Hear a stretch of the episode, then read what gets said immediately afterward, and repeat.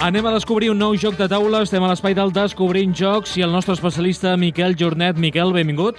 Bon dia, Jordi. Avui ens portes un joc sobre, sobre ciutats. Veig Sí. aquí una figura que representa la Torre Eiffel i veig una altra figura que crec que és el Taj Mahal. Sí, hi ha també com un pont de San Francisco, hi ha més. O sigui, jo he tret aquestes dues per fer l'exemple de lloc. Ah, o sigui, no me l'has tret tot sencer, el joc. Eh? Eh, L'he portat, bueno, feia com, una, com un torn i no, no calen totes les peces. Nom del joc, Miquel. Sí, és un joc que es diu Between Two Cities, entre dos ciutats. Uh, L'autor? Són dos autors, un es diu Matthew O'Malley i l'altre és Ben Rosset. És Ben Roset, no? Rosé Blanquet. Sí, sí. L'il·lustrador? És eh, una noia que es diu Beth Sobel. No han dit una cosa, que el joc és un joc de 2015, però que aquí l'ha portat SD Games el 2017. Uh, número de jugadors? de 3 a 7 jugadors, tot i que inclou unes variants oficials dins del reglament per a un i dos jugadors. Edat recomanable? A partir de 8 anys, Temps de partida? 20-25 minuts. Està bé. Està Sí, bé. sí, sí. Per tant, podem jugar a diverses partides. Quines mecàniques utilitzarem? Doncs mira, és un joc de treball en equip, de draft i col·locació de rajoletes, eh, de set collection també, i la tipologia de joc li diuen en anglès city building, de construcció de ciutats. Uh, evidentment, si és de ciutats, hem de construir ciutats. Sí, sí, no? sí, City sí, building. sí. Nota. El Carcassonne és un city building també, perquè fas la ciutat de Carcassonne. També és veritat. Gran joc, per cert. Sí, sí, Fa sí. temps que no hi jugo. Reenganxat.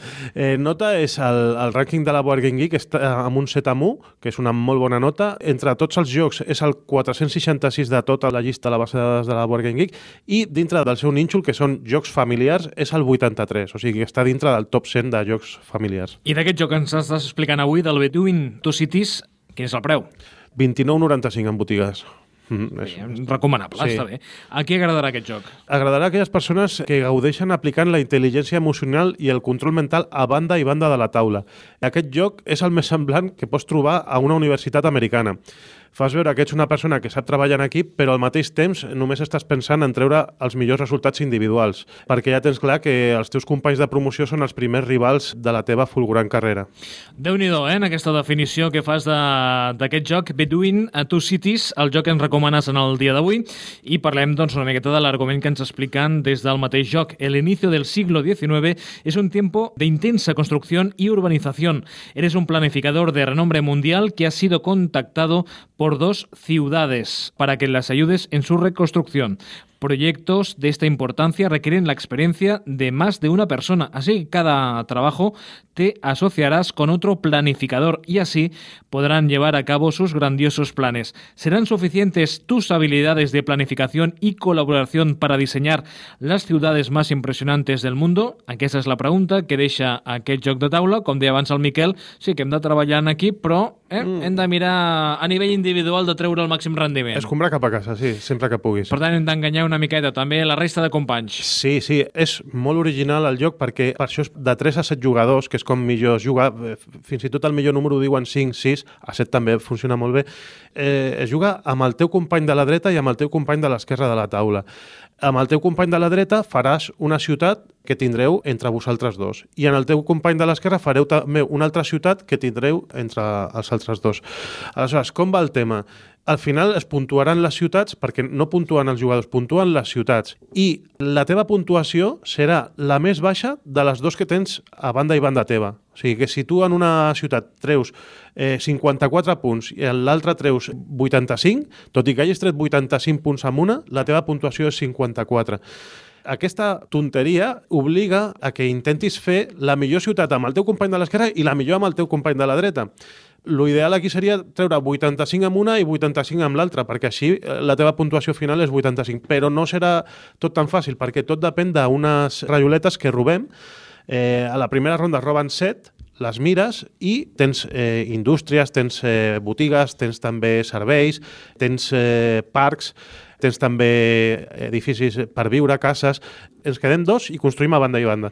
Aleshores, anem passant, anem passant, anem passant, i després hi ha una fase intermitja que el que es roben són tres losetes, però aquestes són dobles. Clar, li afegeixen una mica de complexitat perquè posar dos de cop és una mica més, més difícil, no?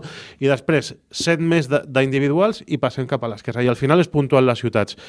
I cada edifici puntua d'una manera diferent. Les botigues eh, puntuen per tenir més botigues en línia, que és com fer un boulevard de botigues. Hi havia un joc d'ordinador fa molts anys eh, que es deia SimCity. Sí, sí, sí. que sí. després van fer altres versions, no? Però Correcte. em recorda, em recorda aquell joc. Sí, sí, al final estàs planificant, tothom fa una ciutat quadrada, les indústries, per exemple, funcionen per majories, qui Sí, més... farem re- de regidors d'urbanisme, no? Sí, correcte, sí, sí.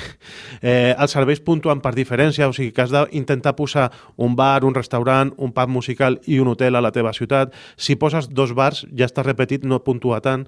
Tenim més coses, tenim les oficines, que puntuen també en funció dels serveis que tinguin al costat, els parcs, que també funcionen per grups. O sigui que en aquest joc hem de pensar una mica, eh? Sí, sí, sí, és una mica puzzle, però la gràcia és que estàs cooperant a banda i banda. I amb tot el que s'ha explicat avui d'aquest joc, eh, en 20-25 minuts tindrem prou. Sí, sí, sí, perquè és superdinàmic, és superdinàmic. Eh, a part és que vas forçat, perquè si trigues en triar, veus que els altres ja han triat i t'estan dient eh, vinga, acaba, que, que jo vull jugar, perquè és... Sempre hi ha aquell típic jugador que s'ho pensa, s'ho repensa, s'ho mira, s'ho remira, Sí, sí, no? sí. i la resta dius, vinga, anem, anem per feina, no? Correcte. Aquí aquest jugador passarà malament, no? perquè els altres es poden espavilar Ah, abans. Se li diu aquest, el que s'ho pensa, se, se li diu que té anàlisi paràlisi.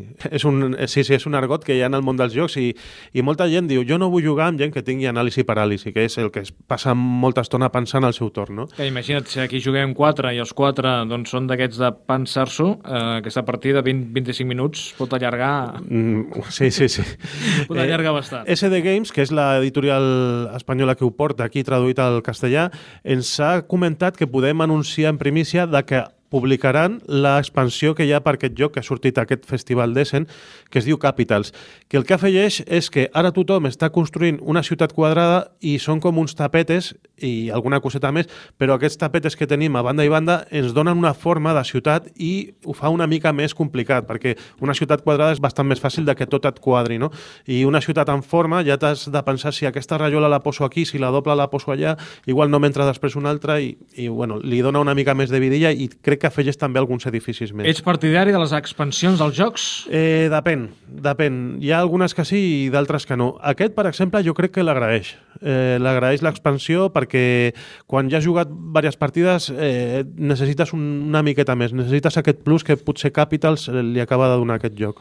Doncs, Miquel, quina música li posem avui? Doncs mira, buscant, buscant he trobat justament un, un noi nord-americà que ha fet una cançó que es diu Between Cities. Eh, està lligat i és bastant... Llàstima que no sigui Between Two Cities. Between eh? Cities, sí, Si hagués estat així ja, Sí, jo sí. crec que hagués estat la cançó que més s'adiu amb el joc de taula que... Mira que hem fet cançons, eh? Sí, sí. Però de vegades són buscades per a patilla. Sí, sí. No ens enganyem.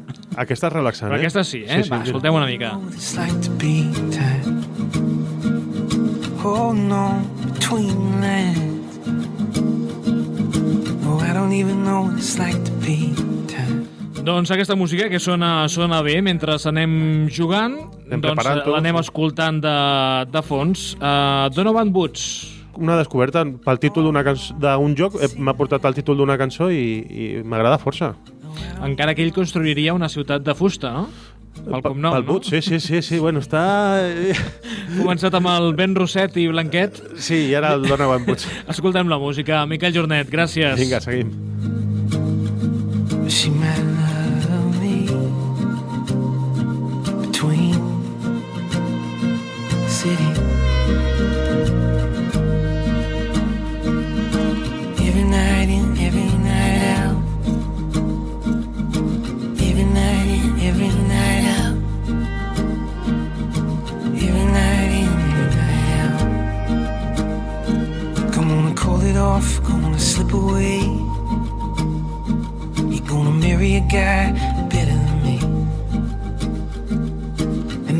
Know you won't twist them words, I ain't ever gonna know what it's like to be. Come on, leave the house, lock the door. Though you don't even know what we're trying for. And on between the lines. And you ain't ever gonna know what it's like to be we left her street. So I didn't know she fell asleep. She might